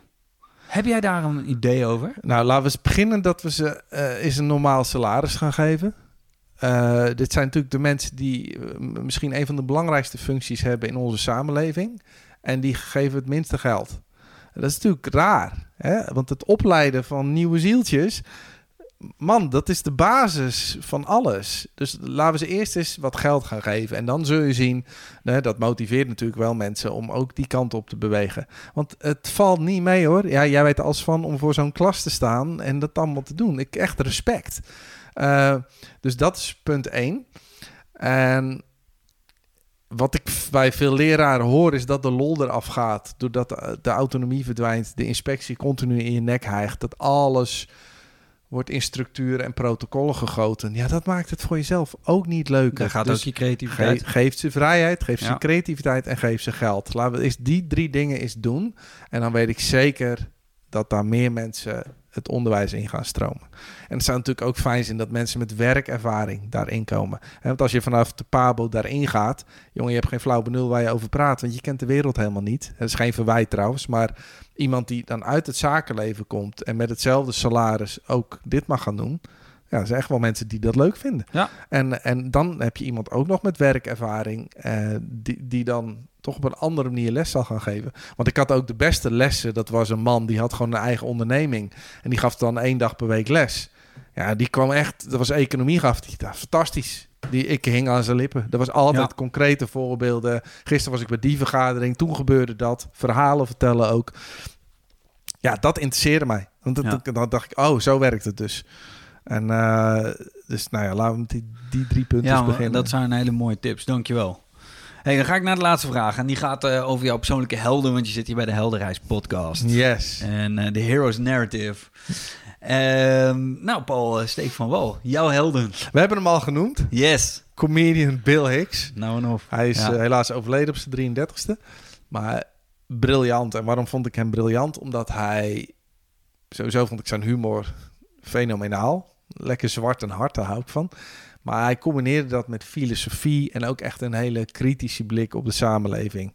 En ik vind dat hij dat als eerste zo goed wist te combineren. Daardoor was hij ook niet mainstream. Is hij echt eigenlijk na zijn dood pas echt beroemd geworden. Maar hij heeft zo'n basis gelegd voor ook... eh, ja, Theo Maassen zegt ook, hij legde de basis... En, en daar is iedereen op voortgaan borduren. Ja. En, en uit hem, net daarna kwam natuurlijk George Carlin. Die zat ook een beetje, die, die vind ik dan ietsjes minder dan hem, maar die had ook briljante stukken. Ja. Zit iets meer aan de hippie kant, hè? ja, iets meer hippie kant. En eh, die, die gaat af en toe, als ik dan de hele show luister... Ja, als je een uur lang op alles loopt te zeiken... Ja. dan denk ik... Bill Hicks had ook nog wel eens wat lucht erin en Ja. positieve dingen. Zelfspot. Eh, Zelfspot, dat Ja. vind ik heel belangrijk. En, maar dat vind ik ook een Nederlandse comedian... zoals Ronald Goedemond of Daniel Arends. Die hebben ook heel veel zelfspot en heel veel talent. Ja, daar geniet ik echt van. Dat denk ik, Ja. wauw, dit zijn getalenteerde mensen. En eh, ja, dat, daar eh, word ik echt blij van. Ja, Ja, en eh, Bill is op een gegeven moment ook verbannen. Hè? Die mocht niet meer optreden in de Verenigde Staten. ja, ja. Stond hij alleen nog in Engeland en op een aantal andere plekken. ja. Ja, dus zeker niet eh, controversieel in die tijd. Nee, nee. En, en eh, wat ik ook van nou, mensen die niet buigen dan. Hè, die gewoon, eh, van, ja, dit is mijn authentieke ik. En eh, zo vertel ik het. Ja, En, en, maar dat vind ik ook het lekker aan zo'n podcast als dit. Dat je gewoon zonder rem alles kan roepen. Ja. En, eh, en ik denk dat dat belangrijk is. Ja want heeft hij niet op een gegeven moment gezegd eh, van... eh, fuck it, dan doe ik het wel niet. Bij eh, David Letterman Nou, of ja, hij had of, opgetreden daar. ja, En toen zei ze, ja, nee, dit, dit kan niet. Want hij had ook een beetje kritiek op de regering en zo. En toen hebben ze dat... Het is nu wel uitgezonden ook. Maar dat was pas twintig jaar daarna of zo. ja, precies. Of, ja, zoiets. Toen kwam zijn moeder, zat bij David Letterman. Toen hebben ze het wel uitgezonden. En toen zei David Letterman ook, ja, what was I thinking? Waarom heb ik dat niet gedaan? Maar ja, en, en ik, dus, ik denk dat het altijd, net als de nar, zeg maar, kritiek mocht hebben op de koning als enige zonder gestraft te worden, hebben we het nodig in de samenleving dat eh, onder andere comedians of, of wie dan ook, altijd kritiek mogen uiten op de gevestigde orde. En want op het moment dat onze leiders niet geridicaliseerd mogen worden, gaan ze er vandoor met de macht. Ja, neem je zichzelf ook veel te serieus. Eh, daarom. En, Ja. en vroeger op de savanne had je stops, heette dat. Dat waren strategies to overcome the powerful. Dus als de leider in de groep zich ging misdragen, dan stopten mensen gewoon om hem of haar te volgen. Dus was je je macht kwijt. klaar. Alleen doordat we nu zo'n complex systeem hebben opgebouwd, kunnen mensen als eh, Trump bijvoorbeeld, ook al misdragen ze zich, zich de bevolking kan er niks meer aan doen. Of een Erdogan bijvoorbeeld. Ja, Uh, dus we hebben altijd mensen nodig die, eh, die mensen blijven radicaliseren om die macht in te perken. Want op het moment dat een man maar iets macht krijgt, moet je ze in de gaten houden. Want die krijgen te veel testosteron, die gaan te veel in zichzelf geloven en dan krijg je enge dingen. Dus, dus je ziet in het zaakleven ook, als een man eh, CEO wordt, dan is het zijn vrouw die continu zegt, hey, eh tut, tut, tut. Ja. Ja. Waar gaat het mis? Vaak gaan ze scheiden. Dan neemt die man een jonge poppetje en daar gaat het mis. Dat poppetje kijkt alleen maar naar die man op en zijn geld. Heeft geen kritiek meer en dan ontsporen die Stimuleert hem in zijn gekte. Precies. Juist. Dus, dus je moet die Ja. mensen altijd eh, zo'n stop hebben. Ja. Dus, dus, eh, dus ik hou ervan als mensen altijd kritisch blijven. Critical thinking, de vierde C. Ah, mooi. Ja. Ja, ik wilde eigenlijk vragen van, joh, heb, heb je nog een held? Hè? Ik hoor er altijd eh, het liefste eh, twee. Ik hoorde George Carlin trouwens ook tussen neus en lippen even doorkomen. Ja. Ehm, maar ik vind het eigenlijk wel mooi om het bij Bill Hicks te laten. Ja, laat- dat goed? Bill Hicks, zo'n grote. Ja, ja. Hij Hij, hangt hangt hier- daar, vandaar dat we kijken. Hij hangt hier aan de muur. Ja, Ja, prachtig. Ehm, Paul, mag ik jou onwijs bedanken voor dit gesprek? Dat was leuk, thanks. Yes, jij ook bedankt. We gaan nog een koffie doen. Goed. Yo, hè. Hoi. Hey.